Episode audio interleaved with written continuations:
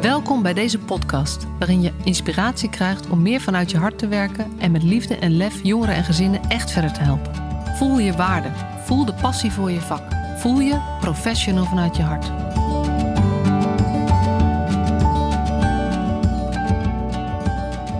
Wat leuk, je bent er weer bij een nieuwe aflevering van de Professional vanuit je hart podcast. En vandaag ga ik in gesprek met Elise Lam. Zij heeft een heel aantal jaar geleden alweer het boek geschreven Risicokind of Evenwichtskunstenaar? Vraagteken, vertelde ze er net nog bij. Het, het, het gaat, daar zit een verhaal aan vast, dat we zoals het zo gaan horen. Uh, zij heeft algemeen sociale wetenschappen gestudeerd en van daaruit uh, houdt ze zich eigenlijk uh, haar hele leven al bezig met um, gezinnen die het wat moeilijker hebben, maar waar wij als maatschappij ook op een bepaalde manier naar kijken. En uh, uh, Elise zei net, het belangrijkste thema is eigenlijk normaliseren. En hoe kunnen wij bouwen aan veerkrachtige gezinnen? Dus daar gaan wij het met elkaar over hebben. En informele steun, steun uit het eigen netwerk en wat wij als professionals daarin nog kunnen leren, dat, dat is ook een groot topic. Ik weet niet of ik het een beetje goed samenvat zo? Zeker, heel goed, heel goed. Oké, okay, nou dat is super fijn. Hey, de eerste vraag, ik weet niet of je podcast geluisterd hebt, maar de eerste vraag die iedereen krijgt is: uh, ben jij een professional vanuit je hart? Ja, volgens mij wel. Ik ben vrij gepassioneerd voor uh, het werk wat ik doe. En uh, ja, ik, ik zou dit niet kunnen, dit thema, dus bouwen aan een veerkrachtige, eigenlijk een veerkrachtige samenleving, waar veerkrachtige gezinnen zijn ja, dat kan je bijna niet doen zonder passie te hebben, omdat het is een, uh, best een, uh, een pittig pad, laat ik het zo zeggen. Dus het helpt om dan passie te hebben en, en ook passie bij anderen te merken. En zo uh, dicht bij je hart te blijven. En is dat, is dat ook van, je al altijd al geweest? Zeg maar, wist je al toen je op de middelbare school zat, nou, ik ga me bezighouden met het bouwen aan een veerkrachtige samenleving? Nee, absoluut niet. Ik ben uh, ooit als verpleegkundige opgeleid. Maar ik wilde wel altijd heel graag mensen helpen. En in het ziekenhuis waar ik werkte, uh, was ik eigenlijk meer bezig met het welzijn van mensen. Veel minder met die technische kant, maar altijd ja, met mensen ook in gesprek over uh, moeilijke dingen. Als ze een moeilijke boodschap hadden gehoord, hè, ernstig ziek. ja, gewoon dat soort dingen dus ik was altijd met welzijn wel bezig. En gaandeweg, ik ben verder gaan studeren en van alles en nog wat gaan doen, is dat steeds meer, en daar zat wel al heel vroeg een uh, drijf rond jongeren en gezinnen. Dat, dat vond ik het meest interessante. Dus nadat ik in het ziekenhuis uh, had gewerkt, ben ik uh, jeugdverpleegkundige bij een GGD geworden. En nou, dat is ongeveer, ja, schrik niet, bijna 30 jaar geleden. En um, ja, de, jeugd en gezin heeft me nooit meer verlaten. Dat uh, is echt wel het terrein waar ik me heel uh, ja, uh, betrokken bij voel. Ja. ja. En kan je eens iets vertellen over, um, want dat, weet je, die 30 jaar, dat is natuurlijk in mijn verhaal ook, ik draai iets korter, maar ongeveer even lang mee. Um, en dat je toch, dat ik ook merk dat je eigen visie scherpt ook aan door de ervaringen die je opdoet. Zeker. En ik denk dat dat, nou ja, als ik zo even al kort hoor wat je gedaan, dat dat bij jou ook zo is. Kan je ons iets meenemen in, in nou ja, wat je tegengekomen bent en hoe het dan komt dat je nu zo op dat pad zit waar je, uh, waar je op uitgekomen bent? Nou, eigenlijk toen ik dus uh, als sociaal verpleegkundige ging werken bij een GGD, dat heette toen nog sociaal verpleegkundige jeugdgezondheidszorg, geloof ik, kwam ik veel in gezinnen waar uh, nou, het leven uh, moeilijk verliep. Ik werkte ook in de, een, een, een wijk, ik zal het geen achterstandswijk noemen. Ik ben gaan me steeds meer gaan realiseren hoe taal ook de werkelijkheid eigenlijk meehelpt uh, realiseren. Maar in ieder geval in een wijk waar veel armoede was, mensen met, met nou ja, werkeloosheid. Uh, ja, ook wel gezinnen waar de nodige veiligheidsissues waren, laat ik het zo zeggen. Kindermishandeling. En in die uh, context ging ik aan de slag. En echt uh, opgestroopte mouwen en uh, ja, op mijn fiets, op huisbezoek. Ik vond het een geweldige tijd. Dus echt bij gezinnen daar zijn. Maar ik had wel de indruk dat ik wist Vooral ook hoe het ehm, ja, goed kon komen als er problemen waren. Uh, dus uh, uh, in gesprek probeer ik altijd heel erg aan te sluiten bij de ouders of bij jongeren. Ik was ook vertrouwenspersoon op middelbare scholen. Sprak veel met jongeren. Geweldig, vond ik ook geweldig om te doen. Maar in mijn achterhoofd zat wel toch een, een, een zekere mate van, ehm, ja, denk ik, weten waar naartoe en hoe. Nou, op zich helemaal niks mis mee natuurlijk. Alleen gaandeweg, nadat ik dus ook als jeugdverpleegkundige verder ben gaan studeren, daarna, et cetera, kwam ik steeds meer erachter dat ik, uh, ja, ik ben ook maar één iemand. En ook maar met één bepaalde opleiding. En hoe kijk ik nou naar die ander? En hoe kijk ik naar de context van die ander? En dat is eigenlijk een heel belangrijk woord geworden. Ehm, want iemand is natuurlijk geen individu, een jongere op een middelbare school, is natuurlijk geen, ja, iemand die je bij wijze van uh, in een laboratorium ontmoet, maar je ontmoet diegene in zijn eigen werkelijkheid. Maar dan moet je die werkelijkheid wel echt willen zien. Dus die context van ja, de ene jongere of de andere was heel anders. Dat vond ik altijd wel heel interessant. Maar realiseerde me denk ik in die periode nog te weinig hoe dat ook bepalend werd voor een, ontwikkeling van een jongere en het contact met ouders. Ja, daar ben ik de laatste jaren veel sterker op in uh, gaan zetten.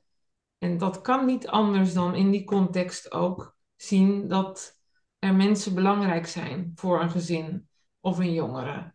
Uit familie, vrienden, etc. En natuurlijk ook uh, formele hulpgevers, dus beroepskrachten. Nou, dat, dat is een beetje, uh, ja, denk ik, hoe dat ontstaan is. En daar zitten heel, er zijn heel veel lagen gekomen. Dus ik heb echt een visie ontwikkeld op hoe kijken we nou naar kinderen die opgroeien met een ouder met, nou ja, chronisch psychisch lijden. Tien jaar geleden zou ik nog zeggen, psychische aandoeningen. En nu denk ik, nou, het is denk ik meer lijden dan een aandoening een verslaving of een, een verstandelijke beperking. Het is echt wel gezinnen die enorm knokken soms om ook dat gewone leven te hebben wat ze ook graag willen. Ja. En ook willen geven aan hun kinderen. Want dit is waar jouw boek over gaat, hè? Daar gaat ook mijn boek over, ja. ja. Misschien is dat ook wel leuk om daar iets over te vertellen. Want dat, is, wanneer is dat uitgekomen? Um, in het najaar van 2016 alweer. Dus Alweer ruim zes jaar geleden. Ja. ja, want daarna gaan we nog naar. Want je hebt volgens mij nog weer een kleine schuiven gemaakt in je, in je denken sindsdien. Maar dit is wel een belangrijk onderwerp ook. Weet je, ik, ik, ik herinner me ook toen ik in de, in de jaren twee, rond het jaar 2000 hadden we allemaal kopgroepen. Kinderen uh, van ouders met psychiatrische problematiek. Klopt. En ik herken ook wel dus een beetje dezelfde ontwikkeling bij mezelf in het kijken naar, maar, maar wat is nou problematiek van de ouder en wat, wordt, wat ontstaat er doordat de omstandigheden zo ingewikkeld zijn? Dus is het. Uh, en uh, het respect wat ik heb voor de ouders, wat ze, uh, hoe, hoe goed ze het ook doen soms, terwijl hun leven heel ingewikkeld is. Absoluut. En um, kopgroep, dus speciale groepen voor deze kinderen, klinkt bijna als ja, die kinderen hebben ook een probleem. Terwijl die ja, kinderen ja. ook, naast dat het uh, extra lastig heeft, ook uh, een meester zijn en uh, ontzettend veel vaardigheden hebben om nou ja, op zoek te gaan naar, naar hoe, zij dit, hoe zij dit weer in hun leven kunnen doen of zo. Dus er zitten heel veel. Zeker, zeker. In. Ja, en als je dus kijkt naar kinderen van ouders met psychische problemen, hè, kop. Zelf gebruik ik dat woord, ja, dat zou twintig jaar geleden ook nog heel gewoon gebruikt ja. hebben. En nu denk ik, nee, het is gewoon een kind. Een kind in een gezin met een ouder die ja, psychisch soms een ontregeld leven leidt of, of leidt aan, aan nou, enorme depressies, et cetera. Maar um, het is gewoon een kind, en dat kwam in mijn onderzoek ook naar voren, want het boek Risicokind of Evenwichtskunst staat met een heel dik vraagteken. Uh, kind zijn ondanks een moeilijke thuissituatie, is um, ook ingegeven omdat ik heel graag ook wilde weten hoe kunnen kinderen het redden? Ik zei aan het begin normaliseren. We kijken heel veel naar de problematiek en ik vind het ook echt belangrijk dat we met elkaar erkennen dat kinderen die opgroeien in dit soort omstandigheden echt extra uitdagingen kennen. Maar dat is nog iets anders dan te zeggen, uh, ja, het, het, het, het, is allemaal één uh, grote moeite of zo waar ze in opgroeien. En ik ben dus gaan kijken naar hoe kunnen deze kinderen het redden. En natuurlijk heb je de kopgroepen die speciaal ook zeggen, nou, met lotgenoten samen uh, in gesprek en kijken hoe kan jij ook in die situatie uh, dingen doen die goed voor jezelf zijn. Maar wat ik ook in mijn boek beschrijf is, dat is eigenlijk het kind toch in die GGZ halen. Terwijl wat je wil is dat dat kind gewoon een heel gewoon kind kan zijn. En dat is niet omdat ik dat wil. Dat geven, uh, ja, gaven jongvolwassenen. Ik heb 18, 18-jarigen tot, ja, zeg maar gemiddeld uh, tot 25. Er zat een keer een 30-jarige bij, maar het was de jonge groep uh, jongeren. geïnterviewd en verschillende zeiden. Dat was eigenlijk mijn diepste wens. Een gewoon kind zijn. Ik zou nooit op zo'n groep gegaan zijn. Waren een aantal die zeiden, ja, ik ben later als tiener ben ik op een groep geweest. En er waren ook echt wel mensen die zeiden, daar heb ik echt wel wat aan gehad. Maar als je gewoon kijkt ook naar onderzoek, naar, naar, naar deze groepen, dan bieden ze een aantal dingen, maar zijn ze minder effectief dan we denken voor waar we zouden willen dat ze konden werken. En ik weet nu gelijk dat GGZ-professionals die luisteren, dat echt een moeilijke boodschap vinden. Um, maar ik denk dat ik heel veel met hen deel. Wat zij willen, preventiewerkers ook, is dat het echt goed met deze kinderen gaat. En ja, dat is denk ik een hele belangrijke wens. Maar mijn visie heeft zich ontwikkeld, dus inderdaad door allerlei onderzoek van anderen, van mezelf. Ik heb de afgelopen jaren heel veel uh, jongvolwassenen gesproken en ook, ja, ik geef lezingen en ik kom bij organisaties en ja, pas, ik geef even een voorbeeld, pas moest ik voor een gemeente spreken over uh, informele steun voor kinderen in dit soort situaties. Ja, en dan komt dan een van de uh, organisatoren, ik zal niet zeggen wie, naar me toe en die zegt, mag ik even met je praten? Van tevoren, voordat ik nog die lezing moest geven. Ze zei, ja, ik ging voor de lezing even snel jouw boek lezen. En ik wil eigenlijk tegen je zeggen, dit ging over mij. En ik voelde me zo, ik, ik voelde zo, uh, ik begreep het zo.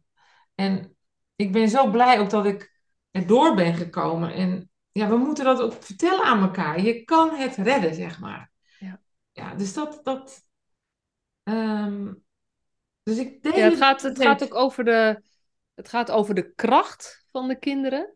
Ja.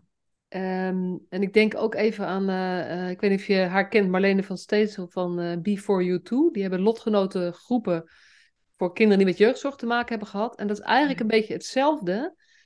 Dat, dat um, vooral de risico's en de problemen benoemd worden. Terwijl het, het, het, het, minstens zo interessant is om te kijken, maar wat maakt nou dat mensen het wel redden?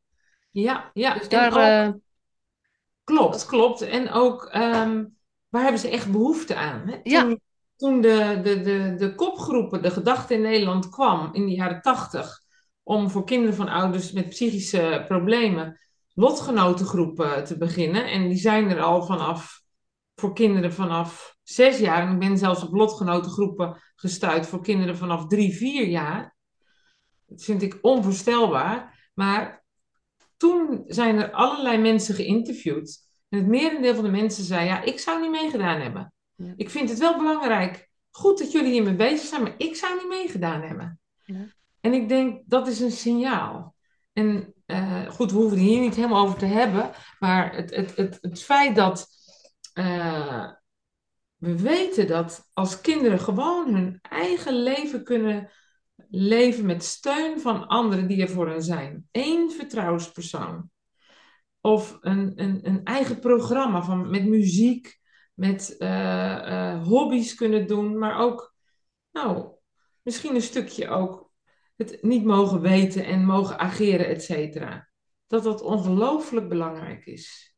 Ja. En ik ben dus niet, dat wil ik nogmaals zeggen, tegen kopgroepen. Alleen ik denk, uh, de oplossing uh, ligt misschien wel eens dichterbij dan preventiewerkers denken om, om, om in dat gewone leven te starten.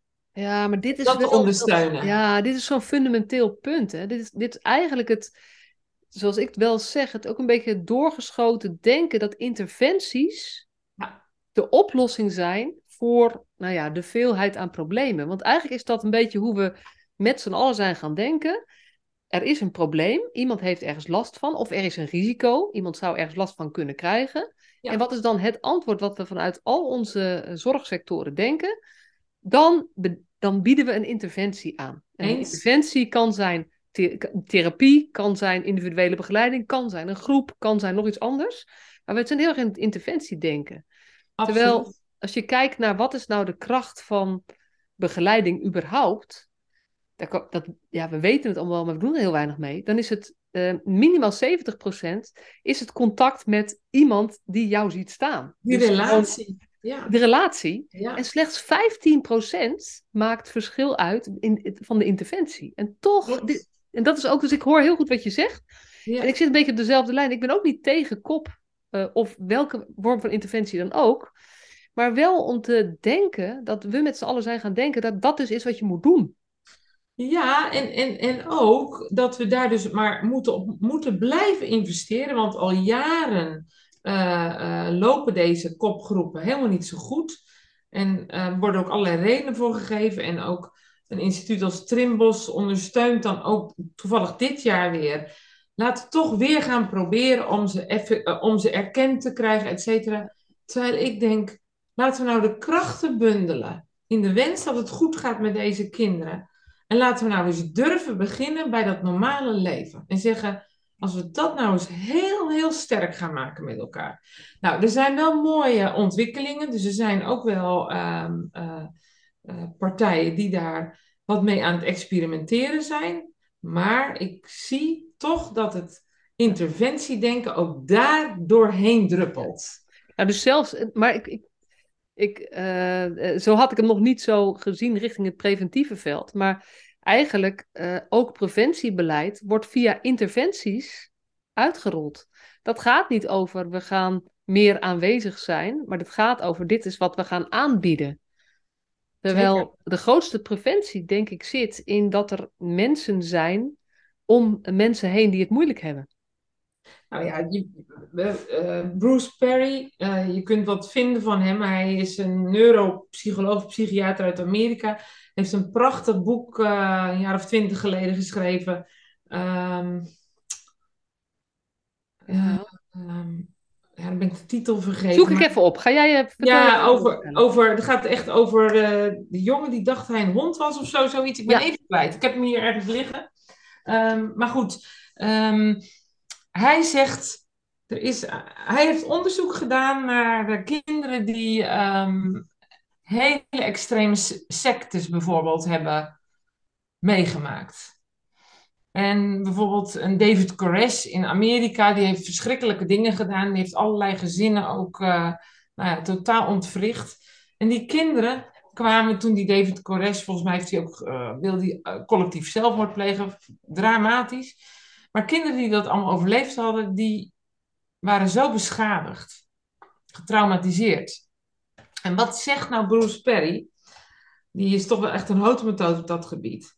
Niet zozeer de therapie, die natuurlijk belangrijk was uh, voor deze kinderen, zorgde dat ze uh, ja, weer een stukje meer het leven aankonden. Ik zeg het in mijn eigen woorden.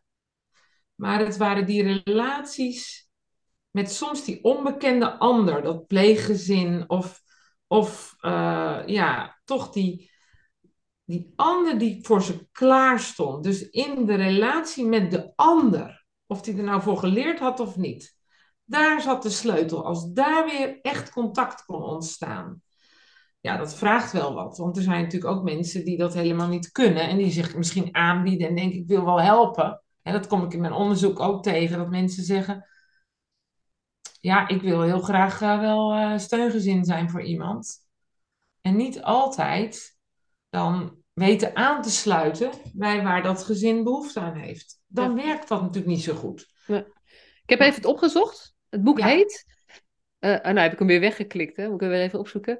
Eh, de jongen die opgroeide als hond. Zie je het? Ja, de jongen die opgroeide als hond, ja. En er is ook een boek. dat Fantastisch eh, boek. Samen met eh, Oprah Winfrey eh, heeft hij een boek Ja. Wat is je overkomen geschreven. Het zijn, Ja, het zijn, vind ik iets minder, iets minder, want dat gaat ook wel toch wel weer heel sterk over eh, ook een beetje ja, de onderliggende trauma. trauma. Denk ik, nou goed, hij is wel iemand die erg met trauma werkt. En, maar dat eerste boek zou ik echt, ja, Ja. is een enorme inspirator voor me geweest, ja. ja, ja. ja, en dat is ook wel mooi, want je zegt ehm, eh, die relaties met de soms zelfs van tevoren onbekende ander. Ja, Dat is het belangrijkste helend element. En dat Ja. doet mij denken aan, ik heb hem volgens mij in de vorige podcast ook genoemd, want dat is afgelopen weken gebeurd. Jim van Os, die bij, eh, in dat programma over de psychiatrie zei, belangrijkste werkzame element in de psychiatrie is liefde. ja, ja dus, Dus- dat is echt, Het is Echt? echt het niet, het, want wat jij net ook zei, ja, je hebt ook mensen die willen steungezin zijn, maar die willen soms te graag helpen of iets doen. Of die, zich- terwijl het ook gaat over het zijn. En, en kun je zijn en kun je ook soms het ongemak van een ander verdragen, omdat je nou eenmaal zijn of haar werkelijkheid niet op kan lossen. ja, ja, ja, eens, eens. Ja, Ja. mooi. Ja. Hey, en, ehm, want dit is, dit is, nou ja, risicokunst, eh, eh, risicokind of evenwichtskunstenaar, vraagteken. Dat was Ja. eigenlijk dit stuk, zeg maar. En nou ja, in de afgelopen jaren ben je nog wat, nog wat verder opgeschoven, echt naar dat thema van steun rondom gezinnen en, en kinderen en mensen en informele steun.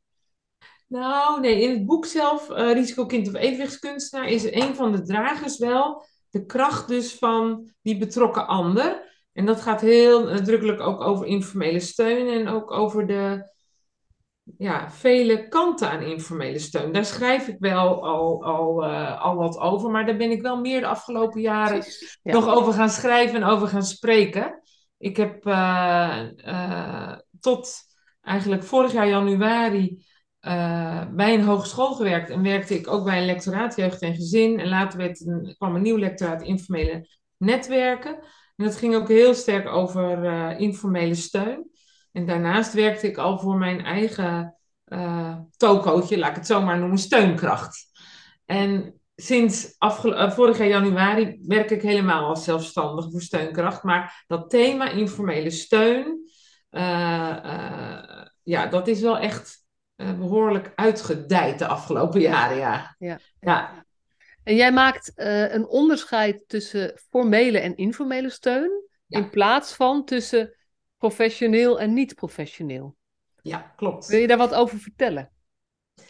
Ja, nou dat is misschien een inzicht van de afgelopen jaren. Dat, dat, ik zag het in mijn boek nog dat ik het had over professionals. En ja, een volgend boek zal ik dat niet meer doen. Omdat ik denk dat we daarmee impliciet eh, eh, zeggen dat toch ook wat ik zelf als jeugdverpleegkundige natuurlijk ook vond.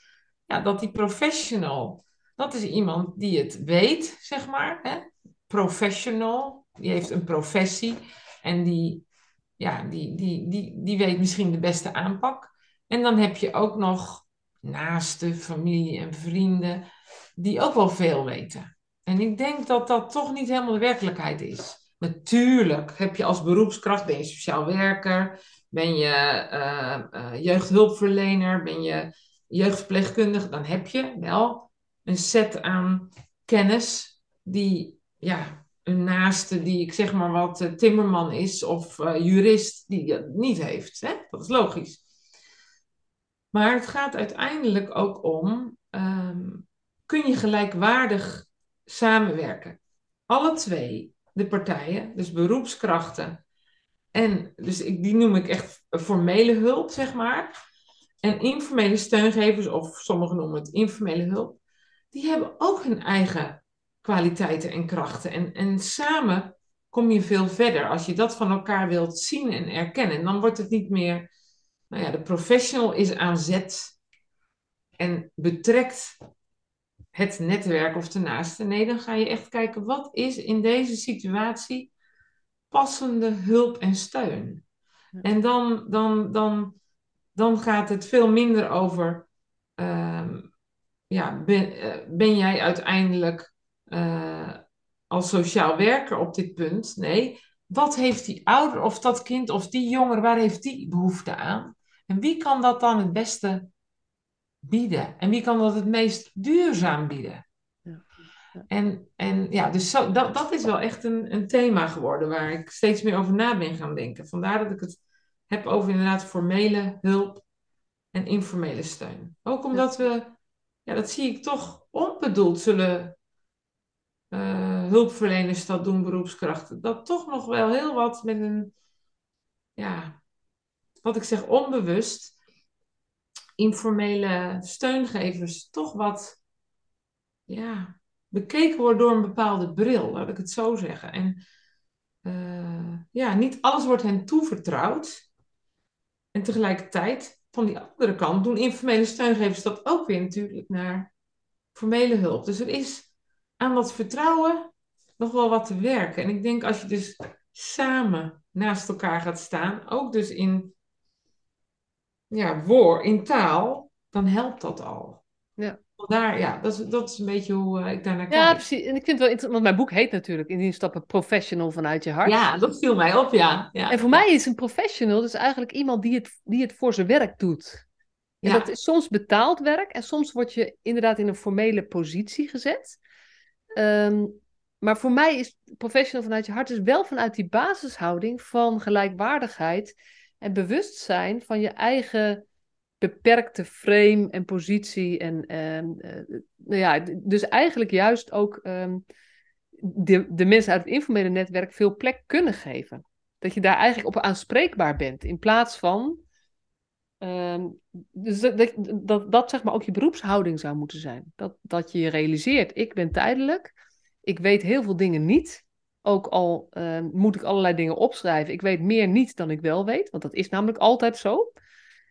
Um, en als je die basishouding hebt en van daaruit ga je in samenwerking met het netwerk. Ik zei, ik zei tegen jou, een podcast die ik laatst heb opgenomen is uh, uh, no nooit meer het netwerk betrekken omdat nee. ik gewoon, dat vind ik complete verkeerde taal, verkeerde framework. We moeten samenwerken met het netwerk. Dus ja. uh, je zet me wel aan het denken hoor. Met, en tegelijkertijd denk ik, hou gewoon lekker vast aan professional vanuit je hart. Omdat dat. Ja, dan moet je ook gewoon lekker doen. Nee hoor, dat moet je doen. Maar. Um, um,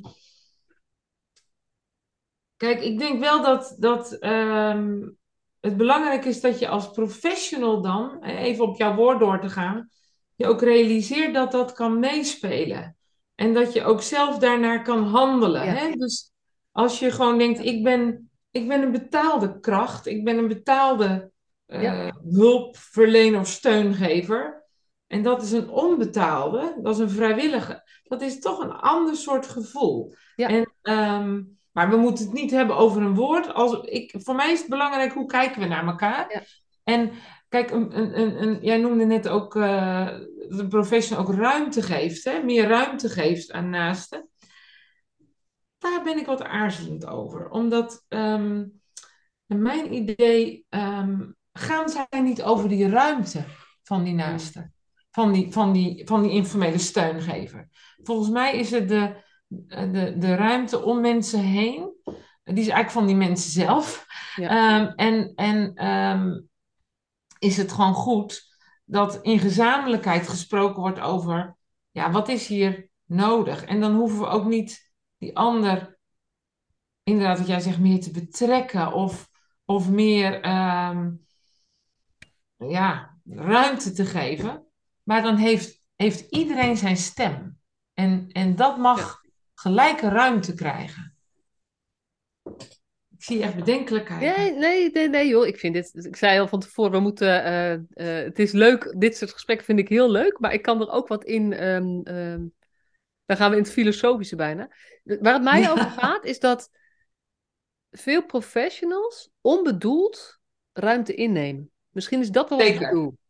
Dat, dat um, als je wil doen zoals jij dat vertelt, zeg maar, wat nodig is, is dat je heel erg bewust bent van jezelf en hoe jij je nou, niet alleen opstelt, maar ook hoe je de relaties aangaat, hoe je het gesprek voert. Uh, en dat jij geen ruimte inneemt waar je eigenlijk niet hoort te zijn. Weet je, je hebt, ja. je hebt een plek, want je wordt formeel toegevoegd. Tuurlijk, tuurlijk. Dus daar gaat het mij eigenlijk meer om. Dus het gaat eigenlijk veel meer over hoe speelt de professional met de ruimte die die zelf inneemt. Want dat, je kan, juist doordat je een betaalde kracht bent en doordat je professional heet, en zeker als het in een drang- of dwangkader is, nou ja, je hoeft maar binnen te stappen. En eigenlijk eh, heel vaak stappen allerlei mensen die om het gezin heen staan, 15 stappen achteruit. Ehm, en lukt het daarna niet meer om ze te betrekken. Dus jij zult als professional zelf op een andere manier binnen moeten stappen, een andere manier het gesprek aan moeten gaan om in die samenwerking te kunnen komen, zodat het gaat over, hé, hey, maar wat heeft dit gezin nodig? Wat vinden ze zelf en wie kan daar het beste eh, in bieden? Zeker, eens. Ja, helemaal eens. Dus, dus dat is wat ik bedoel eigenlijk met, met het netwerk meer ruimte geven. Eigenlijk minder, zelf, mi- minder automatisch zelf plek innemen. Vanuit ook... Misschien is dat precies. Dus, dus het gevolg is dat Ja. er meer ruimte dan komt. Ja. Maar eh, het geven aan, aan eh, netwerk, dan lijkt het ook alsof zij daarover gaan. En dat vind ik niet. Ze, Nee. ze, ze, ze gaan over hun eigen stuk en moeten inderdaad zich realiseren dat dat soms op de plek is waar die ander al stond. Ja, ken je dat plaatje met die, met, eh, volgens mij is dat Dunbar's number. Dat staat in circulaire zorg ook uitgebreid beschreven. En dat is een plaatje, ik, ik pik altijd alles een beetje van wat me dan aanspreekt en dat maak ik dan simpeler, dus dat heb ik hierbij ook gedaan. Eh, dat er maximaal vijf mensen zijn die in de inner circle kunnen zitten van iemand. En dat, dat kan je dan tekenen, een poppetje in het midden en vijf stoelen eromheen. En ehm, waar, wat ik heel vaak doe als ik ergens sta of, of spreek of met mensen in gesprek ben of een training geef, is eigenlijk zeggen, joh, en vraag je altijd af, ehm, hoe voorkom ik dat ik op een van die vijf stoelen ga zitten? Hm. Sowieso. En vraag je ook bij gezinners af, wie zitten er op die vijf stoelen? Nou ja, en dan, je vertelde net in wat voor wijk jij ehm, werkte, met wat voor gezinnen. Dat zijn vaak gezinnen waar verschillende hulpverleners zitten. Als je dan eens gaat kijken, welke vijf mensen hebben nou de grootste plek in het leven rondom dit gezin, zijn het best wel vaak vier hulpverleners. Ja, En als je dan hebt altijd. over- Ja, het- nee, sorry. niet altijd, hè, maar, dat- maar als je het dan hebt over duurzame, eh, zo- zeg maar de duurzaamheid van wat we aan het doen zijn, ja, die zit erin volgens mij, als je die vijf stoelen zoveel mogelijk ingevuld laat zijn door mensen die blijven, waarbij wij als professionals of formele steun, of hoe we het ook, eh, dat we eigenlijk hen helpen om, om zichzelf met, om, om dit met elkaar te gaan eh, rooien en redden en dragen. Zeker, zeker. En, en ehm, in sommige gezinnen zul je dus als beroepskracht of als hulpverlener of als sociaal werker ehm, ja, regelmatig eventjes weer langskomen of aankomen of even gevraagd worden, denk eens mee.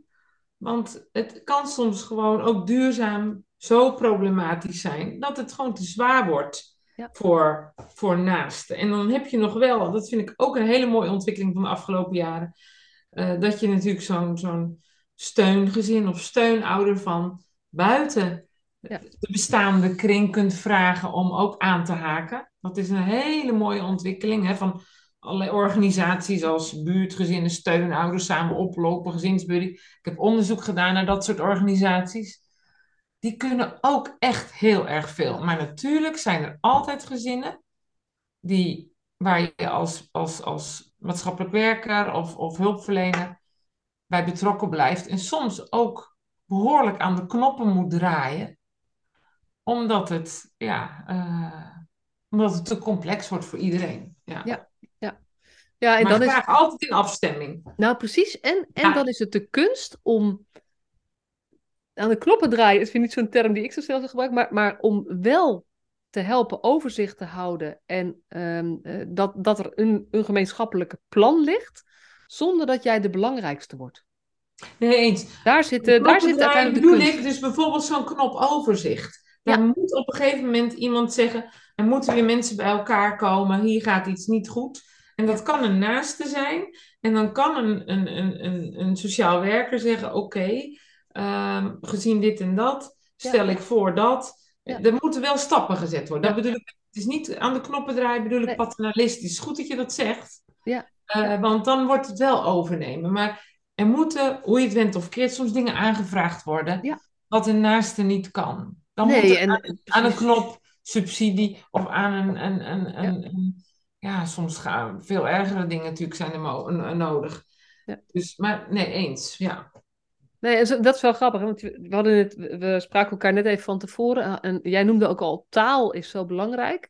Eens. Dat merk ik ook steeds meer. En, en dat door andere taal te gebruiken, verander je ook in hoe je zelf kijkt. En ook hoe, hoe we met elkaar kijken. Dus, dus de term probleemgezin bijvoorbeeld, multiproblemgezin. Weet je, ik, ik kan het bijna niet meer zeggen. Het verboden woord. Ja. Nou ja, of eh, je zal maar, zeg maar, je wordt in het complexe casuïstiek team besproken. Weet je, je zal maar daar, zeg maar, je dossier zal daar maar naartoe gestuurd worden. Dan ga je toch, dan ben je ook te geloven in jezelf, raak je daardoor helemaal kwijt. Dus wij moeten ook opletten als professionals, als, als ehm, organisaties, hoe we praten over de mensen die wij willen helpen, die wij verder willen helpen. Absoluut. Nou, een thema wat, wat de laatste jaren voor mij, nadat mijn boek verscheen, kwam dat ook zo bij me binnen hoe we eigenlijk over, want dat boek gaat vooral ook over de kinderen. Hè, hoe kunnen we kinderen ondersteunen dat ze het redden, hè, jongeren. Minder over de ouders. En ik ging eigenlijk eh, ook steeds meer compassie voelen met eh, deze ouders en dan gingen we daarin verdiepen. En toen zag ik dat we toch heel vaak in termen van kwetsbaar over hen spreken. En ik moet zeggen, dat is me ongelooflijk gaan storen, omdat, de, omdat je daarmee suggereert, onbedoeld, dat er ook een groep weerbare sterken is. En wij zullen natuurlijk, hè, als, als degene die eh, over dit soort dingen ook nadenken, wij horen al zeker bij die groep weerbare en sterke bewijzen van. En de werkelijkheid is natuurlijk veel ingewikkelder. En nou dat zijn dan dingen waar ik van denk, laten we daar nou eens goed over nadenken. En dan zie ik het in het beleid ook heel. Het begint al wat minder te worden, maar een aantal jaar geleden was het echt de kwetsbare ouder. En ja, ook in de geboortezorg bijvoorbeeld is dat nu heel sterk. Dat we de kwetsbare zwangere moeten signaleren om die kwetsbare toekomstige ouder te helpen. Dus ja, dat voelt voor ouders of voor zwangeren, ik heb ook mensen gesproken, voelt alsof ze ergens niet voldoen. Terwijl iedere toekomstige ouder of iedere ouder heeft op onderdelen, is kwetsbaar door het krijgen van een kind. Je weet niet hoe het gaat, eh, maar we, ja, we, we delen graag in. We delen graag toch, maken graag een overzichtelijke werkelijkheid. Ja. Ja, en ik herken dat. En ik moet ook denken aan eh, De Kloof natuurlijk, waar eh, Sander Schimmelpenning zoveel mee gedaan heeft. Ja. En ik zag daar nu, ik weet even niet meer de naam, maar dat is een nieuw programma, ehm, wat ook daar weer over doorgaat van hoe kunnen we nou die kloof, wat moeten we daar nou mee? Wat kunnen we daar nou mee? En daar maakten ze ook het verschil tussen je hebt eh, hoopvol, mensen die zijn hoopvol, en je zijn mensen die zijn hooploos. Niet hopeloos, maar hooploos. En dat die kwam bij mij wel binnen, omdat ik toen dacht, eh, en dus onder andere een, een postbode kwam eh, aan het, aan het eh, woord in, die, in het programma. Eh, en hij bracht post rond in verschillende wijken die vlak bij elkaar lagen. En hij zei gewoon, het zijn allebei flats. En in de ene flat breng ik vooral brieven rond van deurwaarders, incassobureaus, de Belastingdienst, weet ik wat allemaal. En in de andere flat breng ik vooral brieven rond van investeringsfondsen, ehm, eh, eh, beleggingsmogelijkheden, ehm, eh, allemaal, allemaal andere dingen. Hij zei, en dit ligt, ik weet niet meer wat hij zei, maar het ligt minder dan een kilometer van elkaar af. Ja. Maar ja, daar ben ik ook wel veel over aan het nadenken. Dat eh, het woord kwetsbaar zegt iets over dat die persoon kwetsbaar is. Terwijl als je meer gaat nadenken over de omstandigheden waarin iemand verkeert, als ik in die omstandigheden zou zitten, ehm, het, het- zijn meer de omstandigheden dan de persoon zelf. Dus we moeten daar veel eerlijker over zijn. En ook, Ja, ja, wat dat betreft, ook meer naar mezelf kijken. Dan denk ik, ja, ik ben toch ook gewoon zo'n, eh, zo iemand die aan de goede kant van de kloof zit. ja, Vanuit ja. die kant mijn wereld, werkelijkheid bekijkt. En dan nog een inkijkje heb af en toe aan de andere kant. Maar dat, ehm, als je, wat, wat in dat programma heel erg ook naar voren komt, als je in die hooploos kant zit, dan kan je nog heel veel ehm, eh, eh, kwaliteiten hebben. Maar het is vaak moeilijk om daar weer uit, om, zeg maar, om de, om de eh, overstap te maken naar die andere kant. Ja, ja. Ja, kijk, ehm, eh, als, als anderen door de bril naar jou kijken als kwetsbaar, alsof het jouw vaststaande eigenschap is, Ja. dan moet je al van ver komen om een aantal dingen te doen.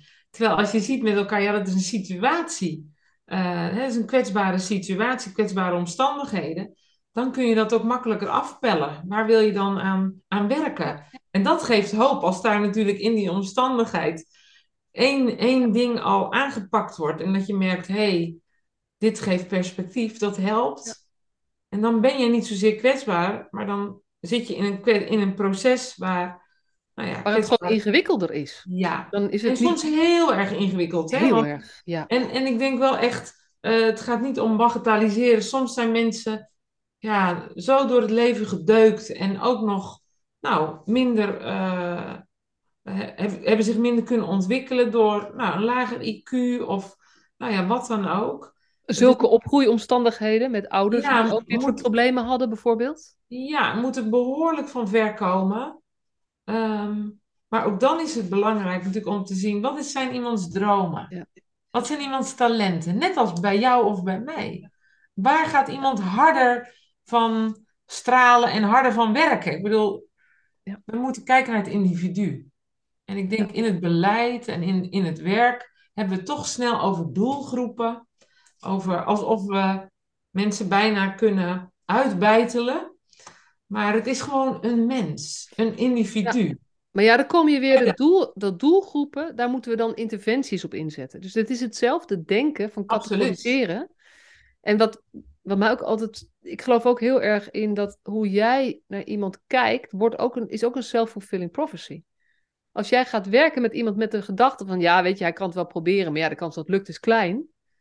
En je, ik vind als je, professional, als, als je als professional betrokken bent en dit is wat je voelt, dan dat, dat is niet oké. Want als jij geen geloof hebt in die ander, die al zo moeilijk in zichzelf kan geloven, dan, dan help je hem gewoon niet. Dan, dan moet je dus op zoek gaan naar wanneer is er een plan waarvan jij denkt, ja, dit zou kunnen lukken. Want iemand heeft gewoon dat nodig ook. Iedereen heeft het nodig. Nou, het is echt leuk dat je dit zegt, want er is bijvoorbeeld uh, promotieonderzoek gedaan door Marieke Meppelder ik geloof dat het proefschrift in 2014 of 2015 is verschenen.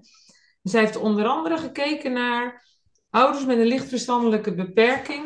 Uh, ja, hoe, hoe krijg je die verder in beweging?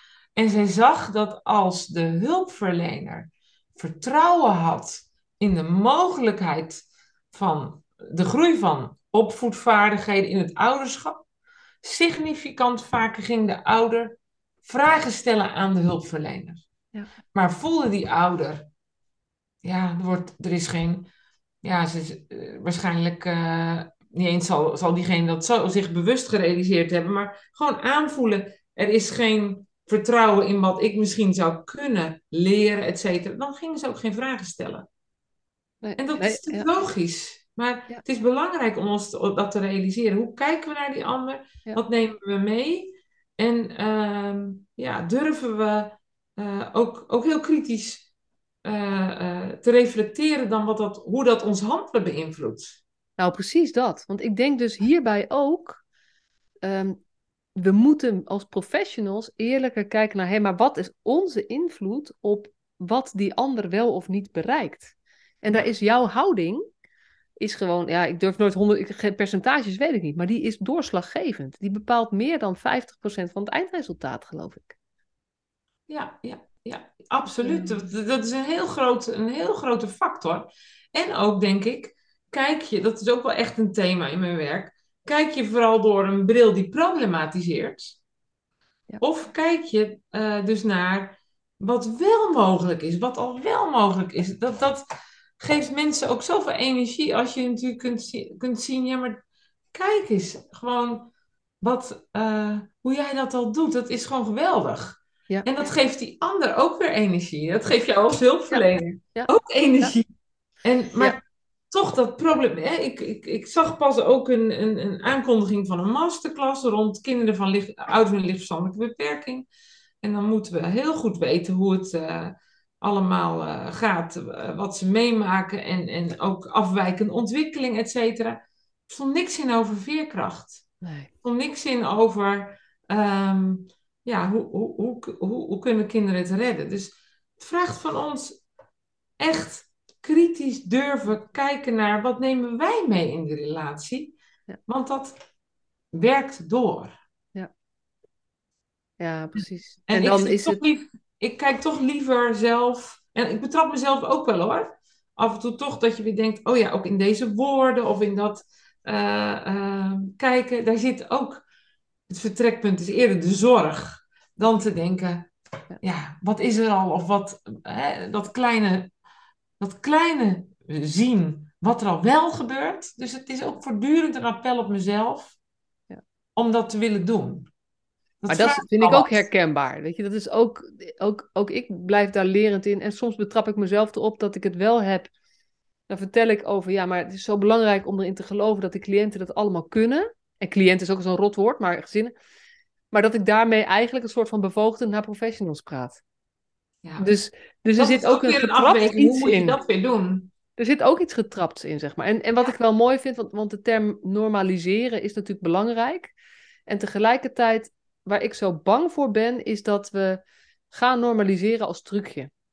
Oh ja. Dat we dat dit, nou ja, weet je, dan gaan we zeggen, oh nee, maar vanaf nu gaan we het. Maar het gaat over dat, over dat voelen. Het gaat over dat jij echt als professional die houding hebt. Ehm, eh, en dat je op die manier wil samenwerken, hoe je kijkt naar de wereld. Het is best wel een wezenlijke verandering. Het is niet een trucje wat je kunt toepassen, volgens mij. Nee, voor mij is normaliseren ook wel echt een, een, een, een uh, appel doen op dat we niet in een maakbare wereld leven. Dus dat ook bij dat normaliseren, lijden hoort erbij, hoe moeilijk ook. Tegenslag hoort bij ons leven. En we kunnen mensen helpen met de tegenslag om te gaan op een goede manier. Uh, maar we kunnen niet alles voorkomen. Dus ik, ik, ja, ik denk dat we dat aan het kwijtraken zijn. Dus dat we alles vanuit goed bedoelde overwegingen, maar ook uit financiële overwegingen, uh, dat we alles maar voor willen zijn en willen. Uh, oplossen of terugdringen, opsporen. Maar dat... ook in onze volksaard, hè? Want ze zeggen wel eens uitdrukkingen, uh, zeg iets over de volksaard. En we hebben natuurlijk voorkomen is beter dan genezen. Dus ik, ik, herken ook wel de, uh, nou ja, dat we natuurlijk vroeger de eh, arme gezinnen uit, uit Rotterdam naar Veenhuizen brachten. Zodat ze daar konden leren hoe, ze, hoe hard ze moesten werken. En dat kregen ze daar een dagritme en zo. Wat allemaal een beetje, nou ja, waar we helemaal het gesprek ook mee begonnen. Van het, ja, dat, wie weet nou eigenlijk wat goed is voor de ander? En mag iedereen alsjeblieft zelf weten wat goed is voor hem of haar? En uh, dat we daarbij aansluiten. is er wel, er is niet, ik bedoel, we weten met elkaar wel een aantal dingen die niet goed zijn. Die, die kunnen we ook wel met elkaar denk ik op tafel leggen. Alleen wat niet wat tegenwoordig, en dat, dat is ook wel echt iets waar ik ook over schrijf, dat we zijn ontzettend aan het oprekken wat een probleem is. Hè? Bijvoorbeeld, eh, ik heb een groot artikel voor Follow the Money geschreven over uh, kindermishandeling. En ehm, dan valt mij gewoon op dat uh, we steeds meer zijn gaan zien als probleem. En dat we. En ik vind echt dat we moeten oppassen, want daarmee gaan we steeds meer ouders ook onder een vergrootglas leggen of ze wel de goede dingen doen. Hè? Dus, dus uh, we moeten weer wat meer lef hebben, denk ik, om met elkaar te zeggen: je kunt niet alles voorkomen. En ook ja, sommige dingen zijn helaas horen bij het leven. Um, maar laten we wat meer naar elkaar omzien. Dat helpt al misschien al, uh, al, al, heel wat. Ja. In plaats van overal maar bij te willen zijn als beroepskrachten en, en uh, ja, als beleidsmakers. Ja. Uh, ja, dan zit je aan die ja. risicokant, maar laten we versterken. Ja. Uh, nou, dat is dus die veerkrachtige gezinnen. Ja. Laten, we, laten we gewoon in het gewone die gezinnen ondersteunen. En, en laat er een punt zijn waar ouders zelf makkelijk naartoe kunnen bellen als er iets is. Hè? Dat, dat zijn allemaal dat, dat is lastig. We hebben alles in ketens georganiseerd, dus heel erg dichtgetimmerd. Maar kan ik, als ik vanmiddag me, me echt ja, rot voel en niet, even niet meer weet hoe ik met mijn dochter uh, om moet gaan, et cetera, kan ik dan morgen even misschien iemand bellen voor wat steun als ik het niet in mijn familie heb? Nou, en dan is het een hele mooie dat... vraag, die kwam gisteren aan bod. Is een opvoedvraag een hulpvraag? Of is het eigenlijk gewoon, weet je, ik ben moeder, ik weet niet of jij ook moeder bent, maar uh, ik zit ook wel eens met mijn handen in het haar. Ja.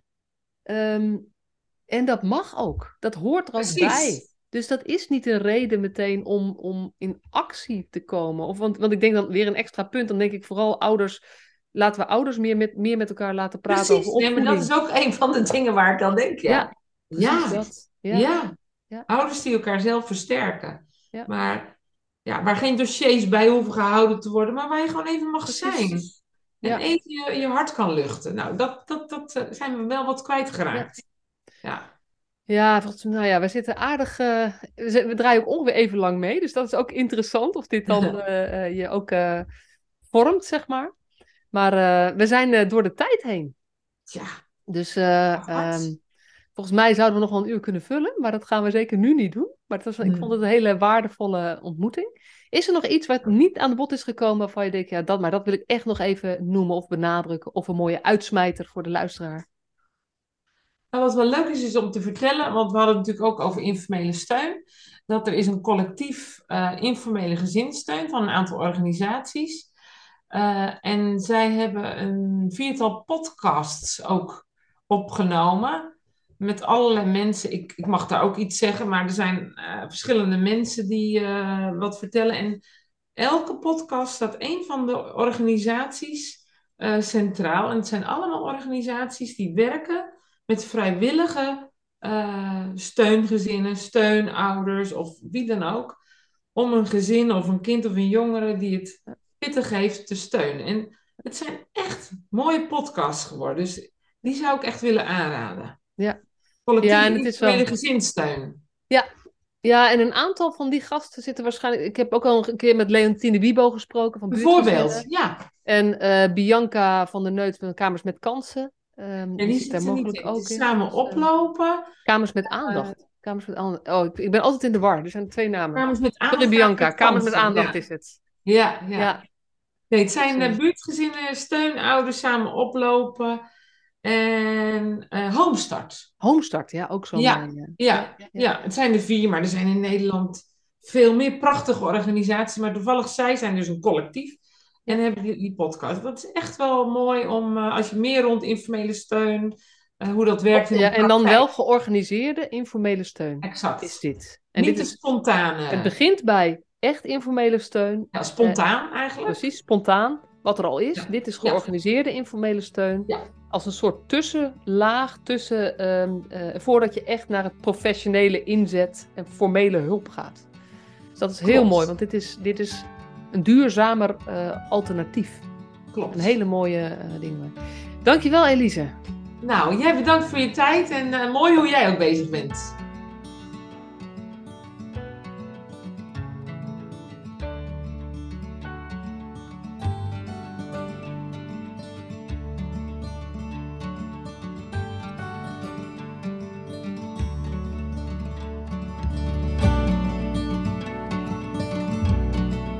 Superleuk dat je weer luisterde naar deze podcast. Dankjewel. Nog even kort een paar belangrijke dingen. Ten eerste, het is mijn missie dat de jeugdhulp weer een sector wordt waarin bevlogen, liefdevolle professionals jongeren en gezinnen echt verder helpen. Daarom maak ik deze podcast voor jou. Wil jij deel uitmaken van deze beweging van Professional vanuit je hart, waarin professionals elkaar steeds opnieuw inspireren? Begin dan met het lezen van mijn boek. Je kunt de eerste hoofdstukken helemaal gratis lezen. Ga naar professionalvanuitjehart.nl slash boek. Ten tweede, wil je alle podcastafleveringen overzichtelijk onder elkaar? Abonneer je dan op deze podcast. Klik in je podcast-app op de button subscribe of abonneren. En elke keer als er een nieuwe podcastaflevering gepubliceerd wordt, ontvang je automatisch een berichtje. Ten derde, ondersteun je mijn missie? Geef me dan een review via je podcast-app, bijvoorbeeld iTunes of Spotify. Op die manier kan ik nog meer professionals bereiken. En ken je een collega voor wie deze podcast ook interessant is? Dan zou het super zijn als je hem of haar de podcastaflevering doorstuurt. Bijvoorbeeld door de link te kopiëren via Spotify. Ik vind het altijd heel leuk om berichtjes te ontvangen van luisteraars om te horen wat je van een podcast vindt, of als je misschien vragen of suggesties hebt. Of als een aflevering je een bepaald inzicht heeft gegeven of er iets in beweging is gekomen. Stuur me dan even een berichtje op masha.professionalvanuitjehart.nl via de website of stuur me een connectieverzoek op LinkedIn.